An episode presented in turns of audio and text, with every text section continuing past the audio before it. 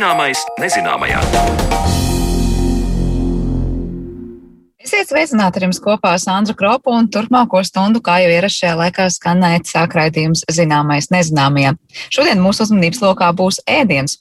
Esam daudzkārt raidījumā stāstījuši par mūsu kulināro mantojumu un šodien iepazīsim kādu visai būtisku latviešu virtuves iezīmi - konservēšana un salīšana.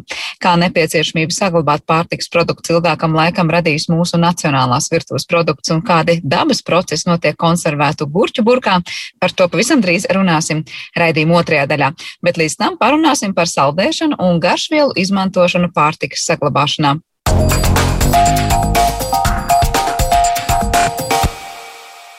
Bez atkritumu dzīvesveids mutinājis cilvēkus vairāk saldēt pārtikas produktus, turpretī silto zemju virtuvēs pārtika konservē ar garšvielām. Kas notiek sasaldējot maizi, gaļu un kartupeļus, un vai čili pipara patiešām paildzina sautēm derīgumu terpiņu, par to interesējās Zane Lāce. Sālīšana, saldēšana vai garšvielu pievienošana jau no sendienām ir veids, kā paildzināt pārtikas produktu mūžu. Un turpmākajās minūtēs skatīsim, kādi ir procesi, kas notiek ēdienos, lietojot minētās metodes. Sāksim ar saldēšanu, kad temperatūrai pazeminoties, produktu šūnās sāk veidoties kristāli un visi mikroorganismi, vienalga ogās, gaļā vai sierā, nonāk anabiozē, proti stāvoklī, kurā līdz minimumam palēlinās vielmaiņa un izbeidzās dzīvības izpausmes. Vairāk par pārtikas produktu saldēšanu skaidro Valsts Zinātniskā institūta biodirektora vietniece laboratorija jautājumos mikrobioloģe Olga Valciņa.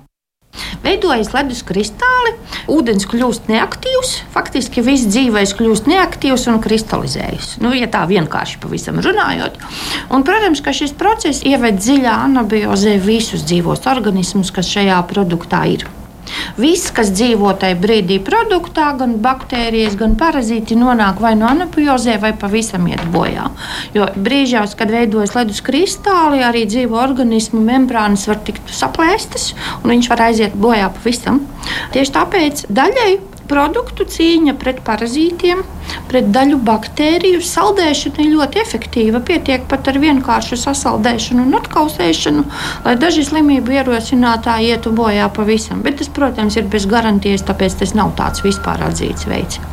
Bet saldētā produktā mikroorganismu vairošanās ir apturēta. Un līdz ar to tas ir ļoti labs veids, kā ātri bojīgos produktus saglabāt ilgstoši. Un tur pats galvenais kriterijs ir temperatūra. Jo zemāka, jo dziļākā anabioze, jo dziļākā tādā plato stāvoklī atrodas produkts. Pie mīnus 4 grādiem, kur tā temperatūra jau nekad nav ideāli e, nesvārstīga, produkta dziļumā varbūt ir nulle, kur tas viss process turpinās. Tad mēs runājam tikai par dziļi sasaldētiem produktiem, mīnus 18 un zemāk.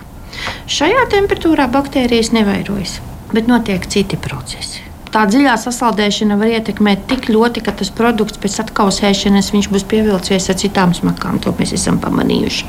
Viņam var turpināties lēnītēm citi ķīmiskie procesi. Tur gaļa var oksidēties, dzelteni tauki var palikt. Tas ir kas pie ilgstošas glabāšanas. Bet No baktēriju viedokļa visticamāk, ka produkts būs drošs, ja viņu pareizi ātri atkausēs un, piemēram, ceps to gaļu. No tā viedokļa tas būs droši, bet garša var nebūt laba, piemēram, desmit gadus ilgstoši glabātai gaļai. Standartā tas tomēr ir no pusgada līdz gadam, ko iesaka saldēt produktus, nu, ka ilgāk mājas saldētavā neturēt. Tas jau kļūst bīstami, tīpaši mājās mēs nekontrolēti glabājam. Vislielākais risks saldētiem produktiem ir sasaldēšana un atkausēšana vairāk kārtējā. Jo tajā brīdī, tieši tajā sasaldēšanas un atkausēšanas brīdī, kas ir uz robežas, aktivizējas visi mikrobi, aktivizējas visa toksīnu producēšana, tad gan var gadīties, ka pašu varbūt dzīvot spējīgo baktēriju nav, bet par tiem sasaldēšanas atkausēšanas cikliem baktērijas paspēja saražot toksīnus, kuri palika produktā un kuri tie brīdī jau paliek bīstami. Kas tie būtu par toksīniem un kā tā bīstamība izpaužas? Tās var būt gan pavisam sliktas baktērijas, kas var ražot arī tā skaitā nāvējošus toksīnus, bet visbiežāk tie būs stafilokoki, visbiežāk tie būs bacillus ģins baktērijas, kuras var radīt tādus toksīnus, no kuriem tā vienkāršā valodā runājot, cilvēkam būs jāsēž uz podaru bļodu kliepī. Viņam būs vienlaicīgi gan vemšana, gan stipra caurē. Un tas ir vienmēr jāpatur prātā, ka sasaldēt un atkausēt vairāk kārtīgi ir daudz bīstamāk nekā ēst gaļas gabalu, kurš ir ideāli bijis mūžīgā sasalumā, dziļi sasaldēts vairākus mēnešus. Vai atšķiras, ja sasaldē, piemēram, ceptu vai vārītu produktu un svaigu? Piemēram, es ogas ielieku saldētavā, tikko plūkts no krūma, vai arī zupu, ko vakar esmu vārījusi. Jā, šīs atšķirības ir būtiskas un ir jāņem vērā, ka uz ogas, kas tikko norauta no krūma, tur varbūt gājis garām ir kāds uh, dzīvnieks, kurš ir uh, izkāpelējis pa to ogu vai pat uzčurājis vai uzkakājis uz ogas. Tad uh, šī oga jau var būt jau pati fiziski netīra. Savukārt, ja jūs termiski apstrādājat produktu, jūs jau visus tos ārējos piesārņotājus iznīciniet. Nu, lai neviens nedomā, ka zemeni vai aveni var tik ideāli nomazgāt, ka tur nekas nepaliks no tā, ja kaut kas ir bijis virsū. Un, attiecīgi, ja jūs sasaldējat šādu netīru ogu, un ja jūs viņu pēc tam ēdīsiet atkausēt un svaigu, tad jūs viņu tieši ar tiem visiem mikrobiem, parazītiem un citiem nošķiem, kādi viņš tur sākotnēji bija, tādu jūs viņu arī ēdīsiet. Vai tas nozīmē, ka tie parazīti un mošķi tēlēni izsakoties, būs aizgājuši gulēt ziemas miegā, un tad es viņus Jā. atmodinu. Tieši tā jūs ieliksiet visus tos parazītus un kaitēkļus anabiozē sasolumā viņi vienkārši nedarbosies. Daļa no viņiem, ne visi, jau teicu sākumā, ka daļa patogēnu neiztur saldēšanu, bet daļa iztur, atmostās un kļūst ļoti aktīvi, jo viņi tagad meklē iespēju kādu inficēt. Bet lielveikalos ir nopērkams saldēts ogas vai dārzeņi svaigi, un tur ir rakstīts virsū ātri sasaldēt pēc ātras sasaldēšanas metodas. Ātri sasaldēts nozīmē to, ka tas viss ir noticis ļoti, ļoti ātri, neveidojoties lielā lielām nu, ledus un sniega garozām, nu, kā jau mēs mājas saldētavā ieliekam, ir atšķirība. Ko var redzēt? Viņš ir sasalis viscauri. Viņš ir sasalis kopā ar visiem tiem organismiem, kas ir bijuši uz produkta virsmas, bet veikalogām tiek veiktas pārbaudes šiem saldētajiem produktiem. Tos, kas ved no trešajām valstīm, tiem pat pārbauda gan C hepatītu, gan noravīrusus. Tātad abas ir zarnu infekcijas. Tā kā šādas pārbaudes notiek. Pasaulē ir bijuši daudzi gadījumi, kad vaigus augļus un dārzeņus inficē ar laistāmo ūdeni, kad ņem ūdeni no upes, nevis tīru dzeramu ūdeni. Tā kā tas risks vienmēr ir jāņem vērā. Tātad zināms risks vienmēr pastāv, vai mēs nopērkam saldētu produktu vai paši sasaldējam. Ja mēs skatāmies tālāk uz citu produktu ilgmūžības paildzinātāju, proti sāls un citas garšvielas, sāls kā konservants, ko tas iznīcina un ko tas saglabā, ja piemēram mēs sasālam dārzeņus, gurķus, kāpos un gaļu. Es gribētu nodalīt divas lietas. Šajā gadījumā es sāli nesauktu par garšvielu. Sāls ir tātad garšas pastiprinātais, bet jūs runājat par sāli kā konservantu. Un ar sāli var izdarīt divas lietas. Ar sāli var palīdzēt produktiem noritēt tā saucamajai pienskābai rūkšanai. Tā ir skābēšana, par kuru mēs visi zinām. Tur arī ir vajadzīgs tikai sāls un ūdens, piemēram, lai ieskābētu kāpostus, gurķus vai citus produktus. Tas ir viens no glabāšanas veidiem, un otrs ir īstā sālīšana, kad nekāda rūkšana nenotiek, ka produkts ir daudz sāļāks. Un vēl trešais - īstā sālī glabāt. Jūs zināt tās metodas, ka, piemēram, svaigus gurķus vai ābolus vienkārši ar sāls kārtiņām liek, un pēc tam atmērcē un ēd it kā svaigu. To agrāk lietoja, tās ir tādas labi zināmas metodas. Tāpat speķi var uh, ar sāli, biezā kārtā sāli uznesot virsū, apturēt. Ko dara sāls? Sāls atņem šiem mikrobiem visu šķidrumu. Ja atņem mikrobiem šķidrumu, neļauj līdz ar to baktērijai dzīvot. Viņai nav šķidruma, organismā nenotiek nekādas plūsmas, nekādas vielas necirkulē, viņa nevar nevairoties, ne ēst, ne elpot, neko baktērija nevar, ja baktērija ir sals stiprā šķīdumā. Plus vēl veidojas, kā saka, disonances starp pārējās vidas sāļumu un iekšējo vidi, un tur viss šķidrums tiek izpumpēts no baktērijas faktiski ārā. Tā kā sāls ir ļoti, ļoti labs līdzeklis, lai konservētu produktus. Pats galvenais ir atcerēties, ka, ja receptē ir rakstīts divas karotes sāls, tad viena teikrote droši vien būs pa maz, jo tad produkts sapūs. Ja te ir jāievēro tik, cik ir vajadzīgs, lai sāktos tā konservējošā darbība. Skatot tālāk uz vielām, kas pasargā pārtiku no bojāšanās, nonākam pie garšvielām. Pētot, piemēram, čili piparu īpašības, ir zināms, ka tajos esošai dedzinošajai vielai kapseicīnam piemīt antibakteriāls efekts. Apēdot čili piparu, tas cilvēku organismā nogalina daļu baktēriju, kuras rada iekaisumu. Bet kā šie pipari darbojas kā pārtikas konservanti un cik spēcīgas ir citas garšvielas, kuru sastāvā ir ēteriskās eļļas? Vai garšvielas arī var pasargāt pārtiku no pelējuma? Garšvielas jau ļoti, ļoti sen ir zināms kā veids, kā pagarināt produktu derīguma termiņu. Ne tikai pipari ar kapsaicīnu, arī ķiploki, kanēlis, kurkuma, ļoti, ļoti daudzas garšvielas, arī augi, kuras mēs lietojam, oregano un ļoti daudz citi var ietekmēt produktu derīguma termiņu, jo šīm vielām piemīt antibakteriālas īpašības. Lielākoties tas ir saistīts ar to, ka viņi kaut kādā mērā bojā baktērijas membrānu vai destabilizē iekšējo struktūru, neļauj kaut kādiem fermentiem darboties, bet ar visām garšvielām ir maza vēda uz šo vielu antibakteriālām īpašībām un garantijām par derīguma termiņu pagarinājumu nevar paļauties. Jo, lai kapsaicīns strādātu atbilstoši kā konservants, viņš jāpieliek tādā daudzumā, pat ka pieredzējušie piparu ēdāji nu, to nevar izturēt. Tas pats attiecās uz kanēli un daudzām citām vielām. Lai kanēlis, piemēram, nodrošinātu savas antibakteriālās īpašības un dotu izmērāmu derīguma termiņa pagarinājumu kādam produktam, kanēlis būtu jāpieliek bezmazliet vienādās proporcijās kā pats produkts. Kas, protams, vairs nav efektīvi. Plus vēl visas garšvielas pašas arī mēdz bojāties. Arī garšvielās sausā pulverī mēdz veidoties pelējumi, kuri savukārt var veidot jau bīstamus toksīnus. Tātad konservēšana, sālīšana un saldēšana ir efektīvi veidi, kā saglabāt un paildzināt konkrētu pārtikas produktu derīgumu. Tomēr vienmēr ir jāpatur prātā, ka cīņā par produktu ilgmūžību pelējuma sēnītes ir neuzvaramie kareivji. Par saldēšanu un garšvielu pielietojumu pārtikas uzglabāšanā Zanē Lācē stāstīja Zinātniskā institūta biolaboratorijas vadītāja Olga Valciņa, bet raidījuma turpinājumā pievēršamies konservēšanai kā latviešu virtuves tradīcijai.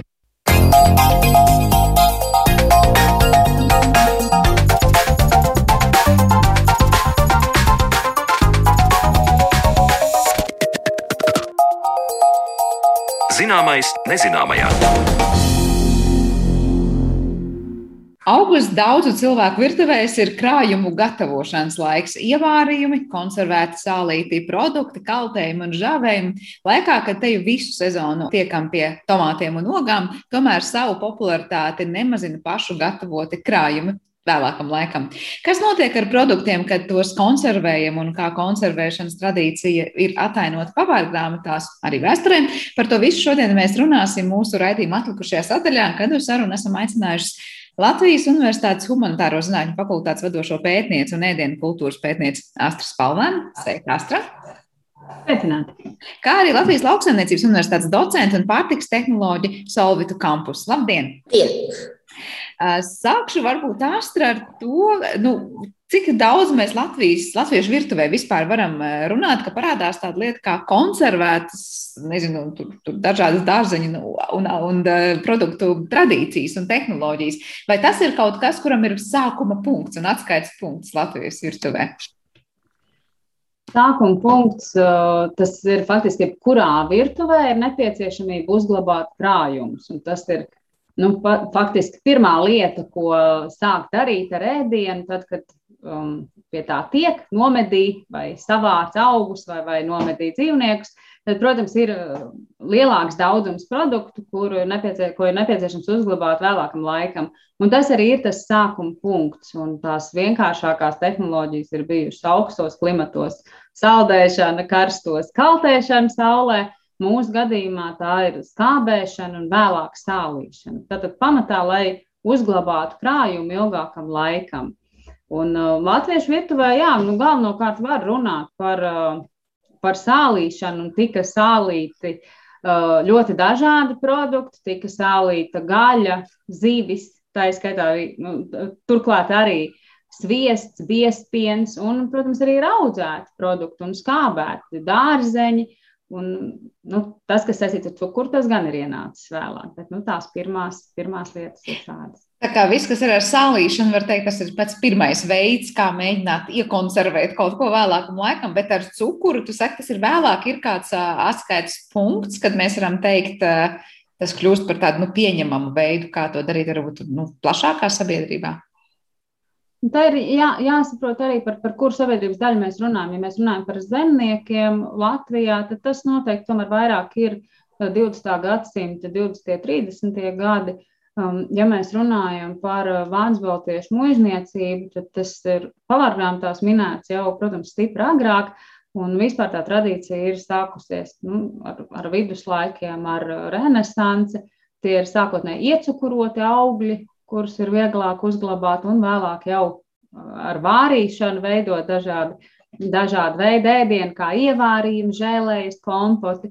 Nu, Latvijas virtuvē droši vien, ka vairāk mēs varam runāt latviešu virtuvē vairāk par, par 20, 30 gadiem, kad tiešām tāda, nu, tāda plaši pieejama ievārījumu gatavošana, kompotu gatavošana sākās.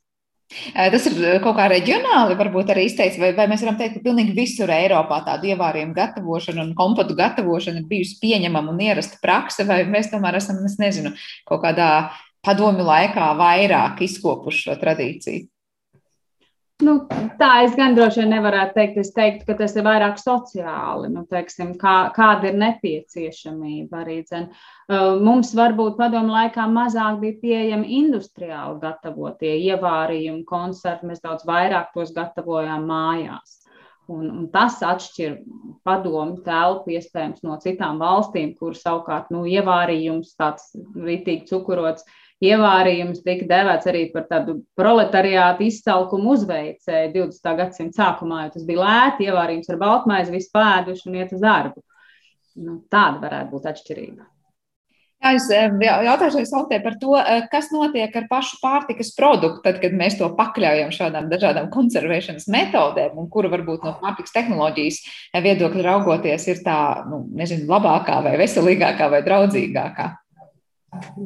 Jā, nu, protams, dažādas konservēšanas metodas, eh, jāsaka, tiešām diezgan atšķirīgi ietekmē to gala rezultātu, arī, arī pašu produktu. Um, lai cik interesanti nebūtu no, no šīm senākajām pieejamajām metodēm. Tieši starp citu, skābēšana ir viens no vēl joprojām atzītākajiem un arī par veselīgu atzītākajiem arī paņēmieniem. Kāpēc? Tieši tāpēc, ka skābēšanas laikā ir īpaši ieiet runa par dārzeņiem, piemēram, tie paši kāposti, kas svaigā veidā ir ar ļoti stingru struktūru, cietu struktūru, arī šīs šķiedrvielas principā ir mums gandrīz vai neizmantojams jo nu, mūsu organisms nespēja pārstrādāt, un līdz ar to arī tajās ieslēgtās eh, praktiski dažādas bioaktīvās vielas. Varētu teikt, ka ar svaigu kāpostu mums ļoti daudz iziet cauri, un mēs neko neuzņemam. Tāpat laikā, tad, kad notiek šī skābēšana, jeb fermentācija, eh, tās rezultātā eh, pienskābā baktērijām darbojoties, šie audi tiek mīkstināti, izmainās arī struktūra, daudz vairāk arī šo bioaktīvo savienojumu pāriet sulā un patiesībā kļūst mums pieejamākas un izmantojamākas.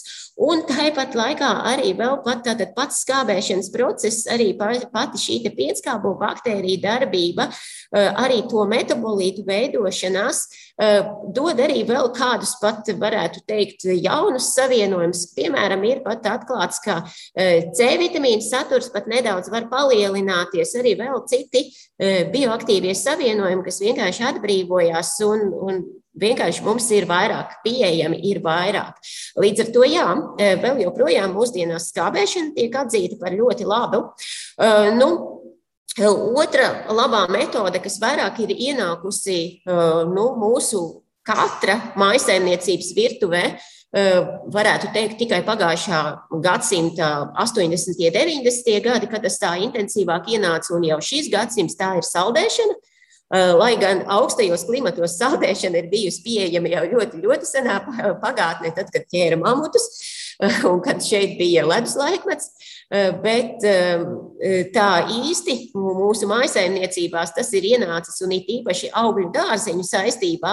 Tas ir tiešām ienācis tie salīdzinoši nesen, mainoties standartiem tieši saldētavām un leduskapiem, jo šis standarts mainījās uz šiem mīnus 18, mīnus 20 grādi, kas bija daudz optimālāka temperatūra tieši saldētu augļu dārzeņu uzglabāšanai, lai nesagrautu visas šūnu struktūras tik lielā mērā. Bet jā, tātad saldēšanas rezultātā arī tomēr augļu dārzeņi saglabājas, nu, varētu teikt, maksimāli tuvāk jau svaigiem. Nu, nevaram teikt par pilnīgi tādiem pašiem, nē, tur tomēr saldēšana arī ir pārstrāde, bet tomēr daudzi bioaktīvie savienojumi tiešām saglabājas salīdzinoši labi. Es tieši gribēju jums pajautāt par saldēšanu sīkāk, jo to bieži šobrīd piesauc kā tādu vidē draudzīgu metodi, arī kā izvairīties no varbūt pārtiks atkritumiem un daudz ko saldēt no pārtiks. Un tad vienmēr ir tas jautājums, bet kā tām uzturvērtībām, kas saglabājas, nesaglabājas saldēšanas laikā, tikko jūs teicāt, tā tad nu, liela daļa no šiem savienojumiem, tad var teikt, ir pietiekoši daudz pārstāvēt arī, var teikt, ja mēs ēdam saldētus produktus, nevar teikt, ka mēs neuzņemam to, kas mums ar šo pārtiku būtu jāuzņem. Nu, patiesībā kā indikators eh, varētu teikt, ir vitamīns C, jeb arī zinām, kā ķīmisko vielu askorbīnskābe, jo C vitamīns ir visnestabilākais vitamīns, jebkura veida apstrādēs, arī vienkārši pat uzglabājot, ilgstoši uzglabājot arī C vitamīns oksidējas gaisa skābekļa ietekmē, gaismas, saules staru ietekmē un vēl daudzu citu faktoru ietekmē, protams, arī termiskās apstrādes rezultātā. Un arī, protams, saldējot C vitamīna zudumi būs, bet salīdzinot ar termisko apstrādi, īpaši sterilizāciju, tie zudumi ir daudzkārt mazāki. Parasti saldējot augļu sogas, runā par zudumiem apmēram nu, nu maksimums no 10 līdz 30 procentiem, eh, kas ir salīdzinoši labi. Tas nozīmē, ka divas trešdaļas vēl eh, no šī vitamīna mēs saņemsim arī pat pēc ilgāka laika uzglabāšanas sasaldētā veidā. Eh, man Astra vēl jautājums par vēl vienu no varbūt mazāk piesauktiem un skaidrotiem veidiem par marinēšanu. Kurā brīdī vispār marinēšana ienāk eh, virtuvē un tā ir tāda, nu tomēr padomu laika virtuves neatņemama sastāvdaļa? Vai tas arī ir mīts par to, ka tajos laikos vairāk sāk marinēt un līdz ar to tajā postpadomu telpā marinētie produkti ir vairāk cieņā nekā kaut kur varbūt, es nezinu, Rietuma Eiropas virtuvē? Marinēšana kā tāda noteikti nav padomi fenomens nekādā ziņā, jo uzglabāšanas kābā vidē visbiežāk izmantojot etiķi, protams, ir nu, zināma jau krietnu laiku. Un, un arī tur var runāt par renesansi, par šo saldu skābo garšu, un tad vēlāk attīstot uh, dārzeņu un arī augļus ar citu uzglabāšanu etiķi. Mm, tā ir bijusi nu, tāda Nu, reizēm pat var teikt, svētku garš tas nav bijis saistīts tikai ar uzglabāšanu ilgam laikam, jo nu, varam iedomāties, ka tās izmaksas un arī nu, teiksim, laika patēriņš, lai nezinu, paradīzes sābolīšus apliet ar vīnetiķu un tad pasniegt pie cepeša, droši vien tā nav tāda ikdienas izklaide vai ikdienas ēdiens. Tas, kas padomu laikam ir raksturīgs, tā ir marinēšana spirta etiķī.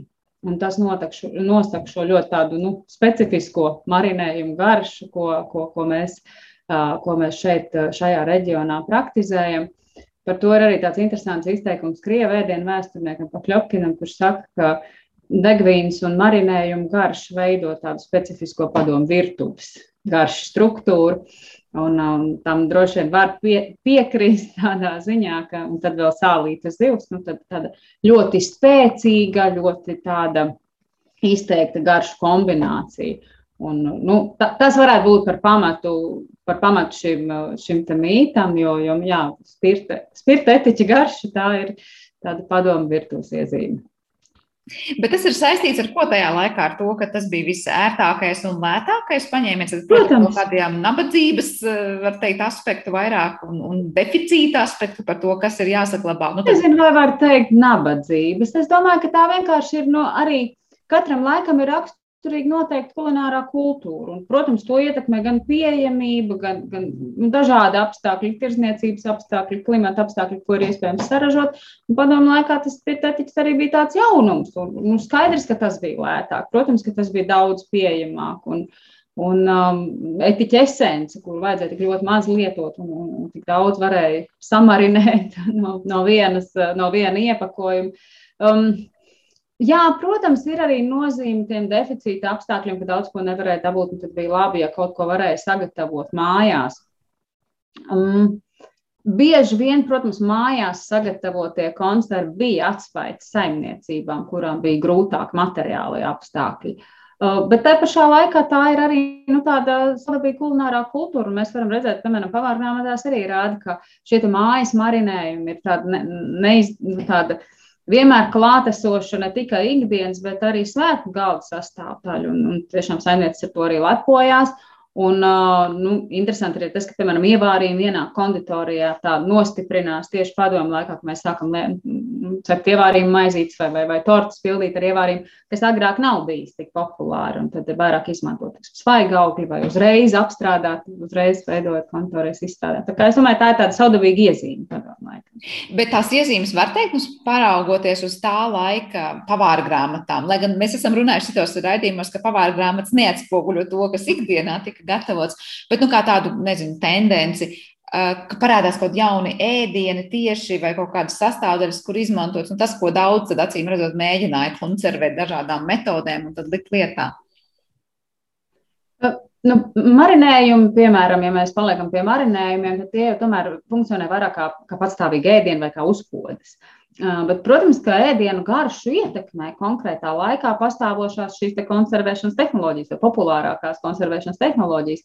Piemēram, tā pati sālīšana. Ja mēs tagad ņemtu kādu senu pavāru grāmatu, mēģinātu pagatavot nezinu, ēdienu ar siļķi, tad, protams, mūsdienu siļķi vairs nekad nav tik sāļi. Nav diennakti jānomērcē pirms lietošanas, un tā garša struktūra veidojās pavisam cita atkarībā no tā, kā, kā, kādi ir šie produkti, ko, ko mēs pazīstam. Uh, Vai, piemēram, par zīmi runājot, sālīta mēnce, nu, kas līdz arī līdz 30. gadiem ir uzskatīta par tādu nabadzīgo zvejnieku ēdienu, jo viņi nu, vienmēr bija pieejami tikai sālītā veidā, un tad ir nu, ļoti būtiski ietekmējis visu, ar, ko ar to ēd kopā. Viss tad ir bijis izteikti sāļš. Nu, es neteiktu, ka tas ietekmē ēdienas, es teiktu, ka tas ētekmē sav, sava laika garšas. To, arī varbūt to, kāda ēdiena mums garšo, kā mēs esam pieraduši ko mēs akceptējam, kā ēdam un mazāk ēdam. Ja? So, Jā, vai, nu, piemēram, tie marinētie salāti. Nu, tādā ziņā, ka tas, ko mēs tagad arī pazīstam, rostola tipa salāti un salāti, kuros nu, tas gan varētu būt tāds padomu fenomens, kur tiešām tiek lielā daudzumā pievienot marinēti uh, dārzeņi, sēnes vai, vai tiksim, marinētu gurķi vai marinētas bietas. Nu, tas, tas tie varētu būt ēdieni, kas ir radušies tieši uh, konservēšanas ietekmē konservēšanas hēras, var teikt, modes kliedziena augstākajā punktā. Savukārt man jautājums, tad piesauktais spirta ētiķis un daudz citu fenomenu no, no mazliet citiem laikiem. Kā, piemēram, tādu spirta ētiķi vērtē nu, pārtiks tehnologi arī no tā, ko tas dod un, un, un nodara cilvēku organismam, un kā, kā, kā šī konservēšanas metode izmantojot tieši šādu e, līdzekli? Nu, jā, nu, principā jau šis pie ētiķis, jeb arī reizēm bija pat šī koncentrētā ētiķa skābe. Nu, tā arī ir reāli, nu, varētu teikt, diezgan tīra šī viela. E, tur nebija tā kā tur kaut kādos citos, tur vīna vai ābola etiķī, tur nāca klāt dažādas citas vēl e, aromātu veidojošās vielas. Un vēl, nu, viņš principā varētu teikt diezgan tīra konkrētā viela, e, kas tiek izmantota, atšķaidīta līdz vai neatšķaidīta gandrīz, ja, līdz noteiktai pakāpei. Nu, Etiķis kā tāds, nu, es, es neesmu ārsts gluži, bet eh, nu, cik es vairāk arī zinu, principā eh, daudziem, īpaši kam ir problēmas ar kuģi, tas kairina kuģi. Eh, līdz ar to nu, šādu, ar šādiem konserviem ir jābūt uzmanīgi, ja tur ir lietots lielākās koncentrācijās. Nu, cilvēki, kam varbūt ir problēmas ar šo kuģa kairinājumiem un tam līdzīgi, tad varbūt vajadzētu padomāt arī par kaut ko citu, par, par cita veida piedevām ievām, un starp citu, marinēšanā ļoti veiksmīgi var izmantot arī uh, gan to pašu vienkārši arī citronu skābi, un var izmantot arī pat uh, vienkārši skābas dažāda veida sūs. Pat teiksim, pat to pašu biešu vai gurķu marinēšanā arī uh, var ļoti veiksmīgi izmantot, piemēram, jāņoks sulu vai cidonijas sulu, kas ir krumcidonijas mūsu ziemeļu citrons, jā, kas ir ar ļoti, ļoti zemu pH. Jo no mm, tādas konservēšanas viedokļa galvenais uzdevums jau, kas ir jāsasniedz, ir, uh, lai šie konservi varētu uzglabāties, ir jāsasniedz noteikts vidas pH. Uh, un šādiem marinētajiem konserviem parasti šis te vidas pH jau ir uh, robežās ap 3, maksimums var būt 3,5, bet bieži vien tādām stiprākām marinādēm pat jau pat gandrīz zem 3. Tātad, bet nu tā, plus mīnus robežās ap pH 3. Un tas jau ir ļoti salīdzinoši zems pH. Kāpēc tas ir svarīgi? Tas ir svarīgi tieši no mikrobioloģijas viedokļa. Ja? Jo uh, praktiski nevieni, uh, nu, varētu teikt, bīstamie patogēnie sporu veidojošie mikroorganismi šādā skābā vidē vairāk attīstīties nevar. Un no konservēšanas viedokļa patiesībā nav svarīgi, ar ko mēs panākam šo skābo vidi. Vai tas būs citrons, cidonija, vai, vai, vai tas būs šis etiķis. Uh, Tās būs citādākas garšu nianses, bet uzglabāšanos tas nekādā mērā neietekmēs, ja, ja šis pH būs tieši tāds pats atbilstošs.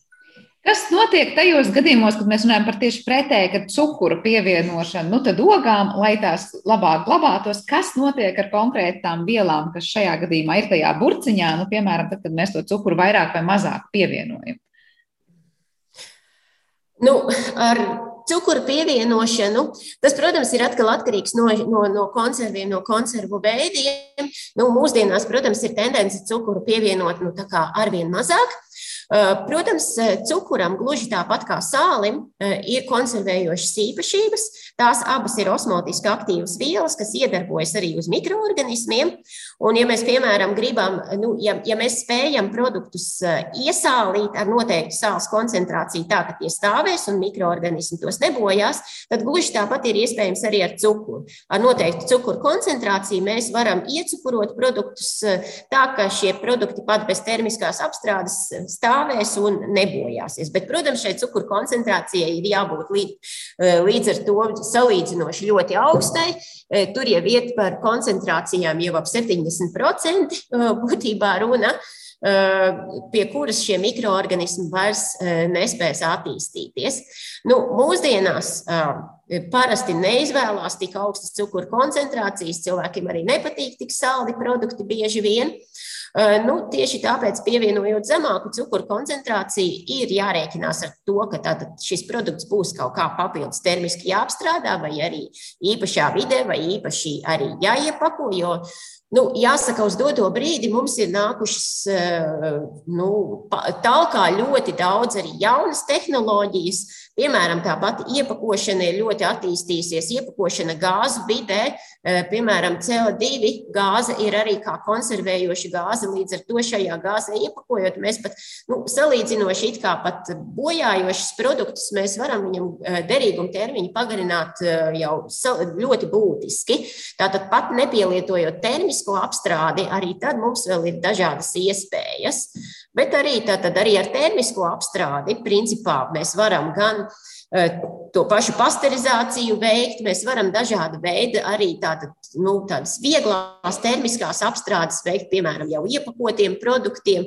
Un eh, kas atkal dod eh, nu, daudz garākus šos derīguma termiņus, Eh, nu, tas ir viss tās mūsdienu iespējamās tehnoloģijas, mūsdienu iespējas, kas tiešām ir ļoti plaši un ne tikai eh, rūpnieciski, bet arī mājasēmniecībās jau pieejamas daudzas.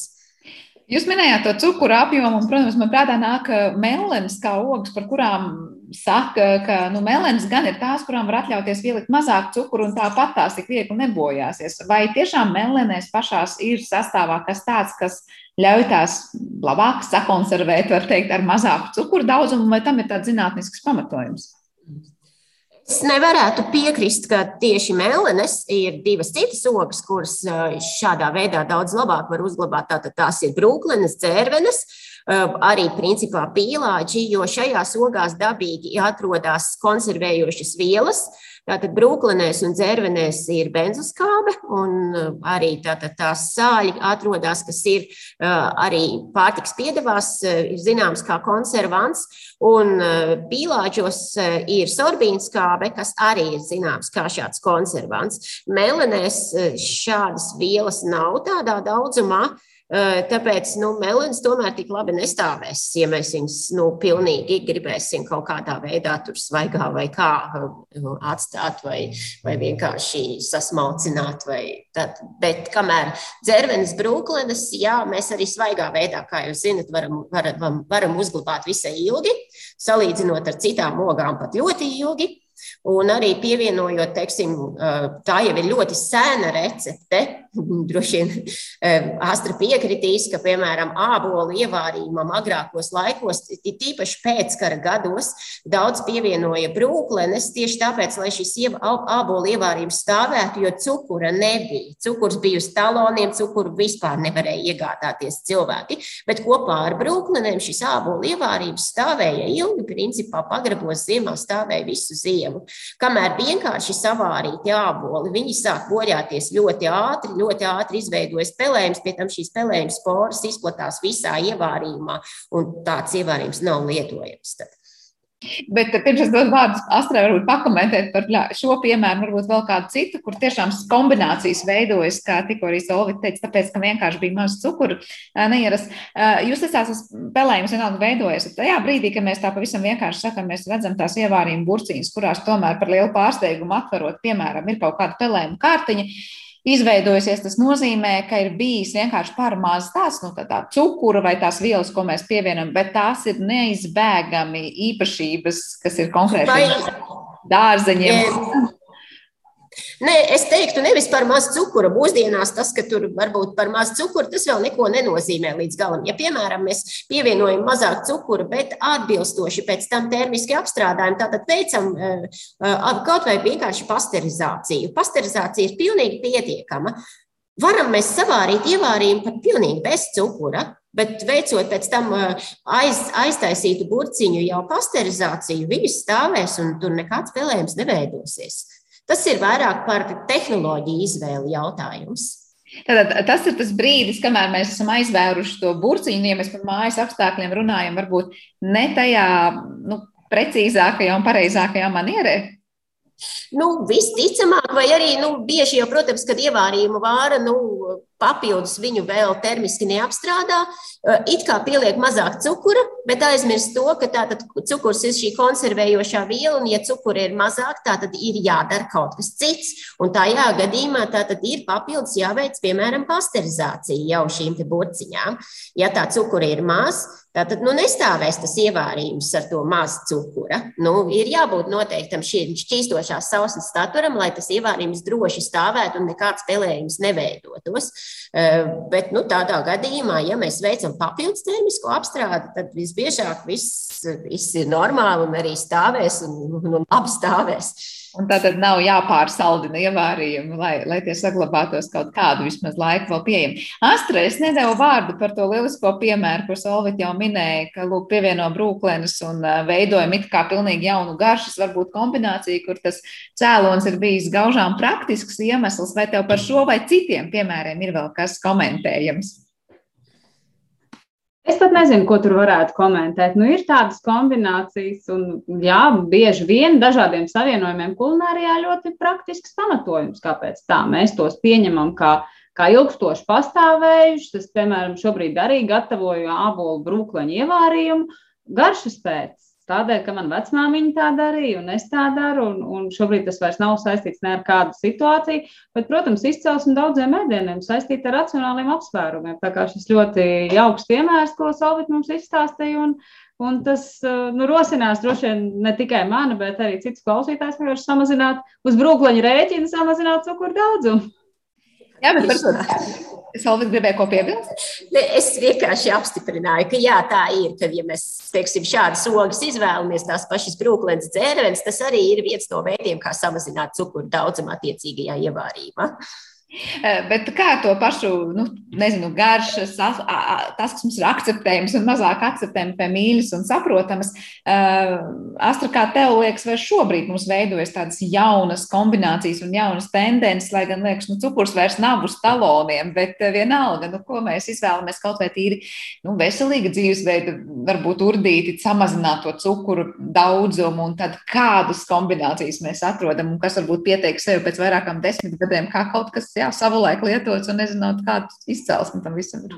Nu šeit ir divas lietas, par ko noteikti ir vērts uh, runāt. Viena lieta ir tā, ka mainās vispār mūsu uh, motivācija konservēt. Mēs ļoti bieži to vairs nedarām vajadzības spiesti. Mēs to darām tāpat kā ar citu ēdienu gatavošanu, mēs nodarbojamies intereses pēc un, un tas ir garši, kas dominē un kas liek mums izvēlēties, un gandarījums par paveikto. Nu, redzam, cilvēkus, kas fotografē savas ievārījuma burciņas ar lielu lepnumu. Tas ir tiešām jau tādā vaļasprieka līmenī. Mēs to nedaram nepieciešamības pēc. Nu, piemēram, ja vēsturiski skatās, tāds interesants moments arī tāpat Latvijas vēsturē 2000. gadu sākums, kad ļoti daudz gastronomijas mēdījos var sastāvēt tādas eksperimentālas konservēšanas metodas, nu, piemēram, nezinu, salikt kopā tādus mērķšķūks ar banāniem, vai, vai pievienot kādas eksotiskas garšvielas ievārījumiem, vai pievienot asos piparus, vai kaut kādas eksotiskas garšvielas tādiem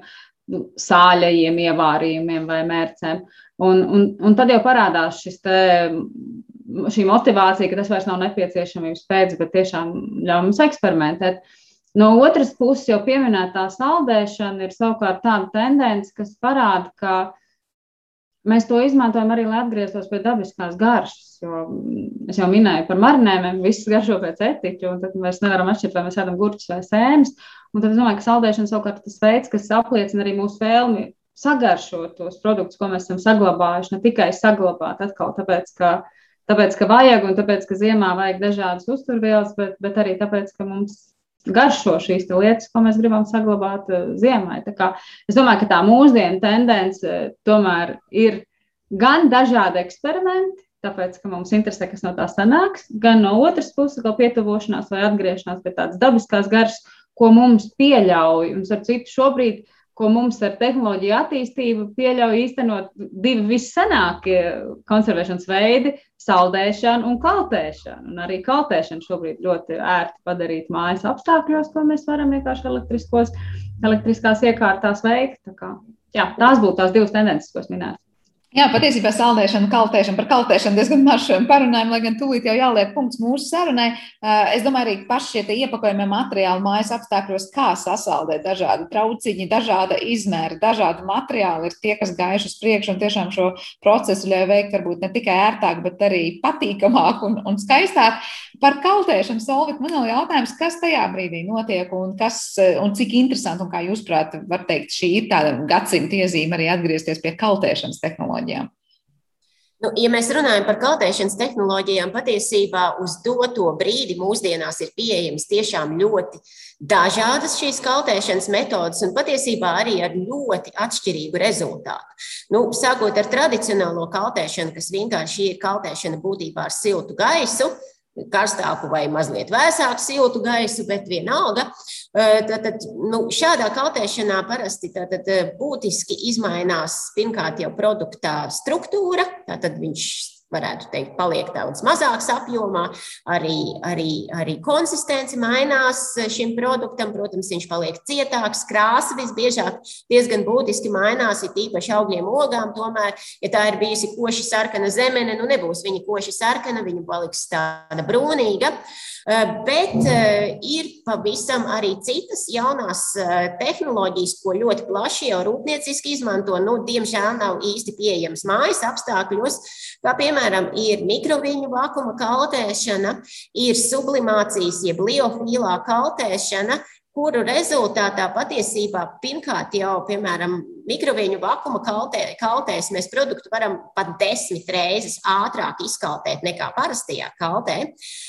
Savukārt sublimācijas, jeb liofīlijās kaltēs, mēs, tātad tā ir tā saucamā kaltēšana no sasaldēta produkta kas notiek zemā temperatūrā, jo zemā temperatūrā vakumā arī no produkta iztvaiko mitrums. Un ko mēs šādā veidā iegūstam, ka praktiski šis ūdens iztvaiko uzreiz, tvaika stāvoklī pārvēršas no ledus. Un līdz ar to produkts praktiski pilnīgi nemaz neizmaina savu apjomu. Tātad, ja tā oga ir bijusi apaļa, viņa tāda arī skaista paliek. Viņa paliek tāda skaista poraina, čagana un arī krāsa paliek ļoti koša. Un šādus produktus arī veikalu plauktos mēs ļoti labi varam atpazīt dažādos smušļos, vēl daudz kur citur, kur ir tādas šīs košās krāsas, augļu ogu gabaliņi. Tie visi ir kaltēti šādā liofīlijā sublimācijas kaltē. Kas tur tur labi saglabājās, tur labi saglabājās arī, piemēram, tas pats C vitamīns. Arī citi bioaktīvie savienojumi šajās modernajās kaltēšanas metodēs saglabājas daudz, daudz labāk nekā šajā tradicionālajā. Tā kā arī te mums ir tehnoloģijas ļoti uz priekšu, un, un, un mūsdienās ir pieejams ļoti plaša šī arī izvēle šajā ziņā. Jā, paldies par tādu ieskatu tajā, kas gan notiek pašos šajos te, nezinu, dārzeņos, augļos un ogās, ar ko tad mēs pakļaujam dažādām šīm apstrādes tehnoloģijām. Bet tas, ko Astra tiešām minēja, no vienas puses ļoti, ļoti senas šīs metodas, kā kaltēšana un saldēšana, un šobrīd izskatās, ka ļoti, ļoti attīstījušās un līdz nepazīšanai attīstījušās, ja mēs salīdzinām ar to, kā varbūt tas izskatījās pat pirms vairākiem gadu simtiem. Lielas paldies jums abām par šo sarunu. Es atgādināšu klausītājiem, ka šajā raidījuma pusstundā stundā bijām kopā ar Latvijas Universitātes humanitāro zinātņu fakultātes vadošo pētnieci un ēdienu kultūras pētnieci Astu Spalmēnu, kā arī Latvijas lauksaimniecības universitātes docentu un pārtiks tehnoloģi Solvitu kampus. Ar to arī raidījums ir izskanējis. Par to teikšu paldies arī producentē Paulai Gulbinskai un mūzikas redaktoram Girtam Bišam. Ar jums kopā šajā stundā bija Sandra Kropa un uz tikšanos!